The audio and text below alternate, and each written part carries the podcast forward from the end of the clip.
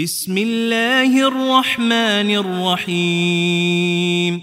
يا أيها النبي إذا طلقتم النساء فطلقوهن لعدتهن وأحصوا العدة. واتقوا الله ربكم لا تخرجوهن من بيوتهن ولا يخرجن إلا أن يأتين بفاحشة مبينة. وتلك حدود الله. ومن يتعد حدود الله فقد ظلم نفسه. لا تدري لعل الله يحدث بعد ذلك أمراً. فإذا بلغن أجلهن فأمسكوهن بمعروف أو فارقوهن بمعروف فأمسكوهن بمعروف أو فارقوهن بمعروف وأشهدوا ذوي عدل منكم وأقيموا الشهادة لله ذلكم يوعظ به من كان يؤمن بالله واليوم الآخر ومن يتق الله يجعل له مخرجا ويرزقه من حيث لا يحتسب ومن يتوكل على الله فهو حسبه إن الله بالغ أمره قد جعل الله لكل شيء قدرا واللائي يئسن من المحيض من نسائكم إن ارتبتم إن ارتبتم فعدتهن ثلاثة أشهر واللائي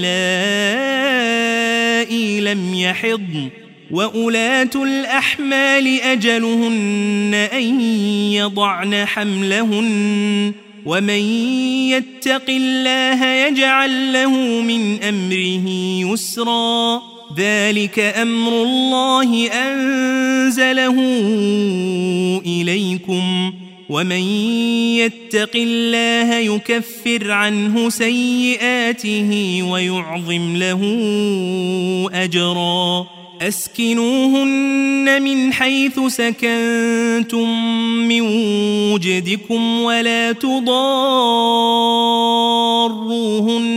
لتضيقوا عليهن وإن كن أولات حمل فأنفقوا عليهن حتى يضعن حملهن فإن أرضعن لكم فآتوهن أجورهن وأتمروا بينكم بمعروف وإن تعاسرتم فسترضع له أخرى لينفق ذو سعة من سعته ومن قدر عليه رزقه فلينفق مما آتاه الله.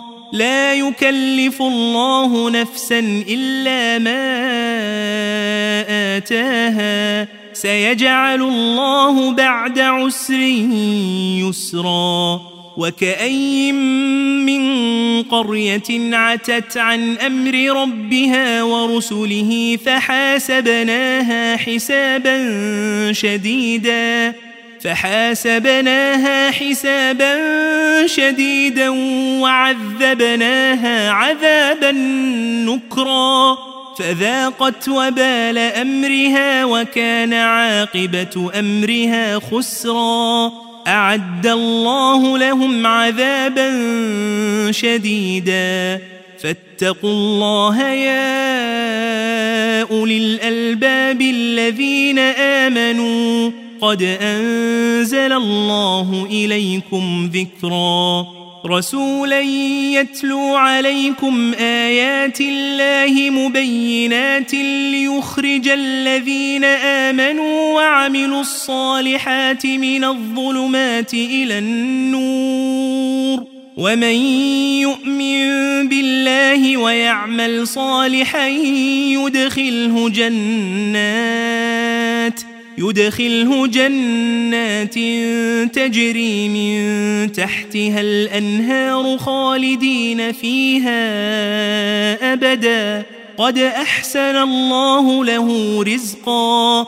الله الذي خلق سبع سماوات ومن الأرض مثلهن. يتنزل الأمر بينهن لتعلموا. لتعلموا أن الله على كل شيء قدير وأن الله قد أحاط بكل شيء علماً.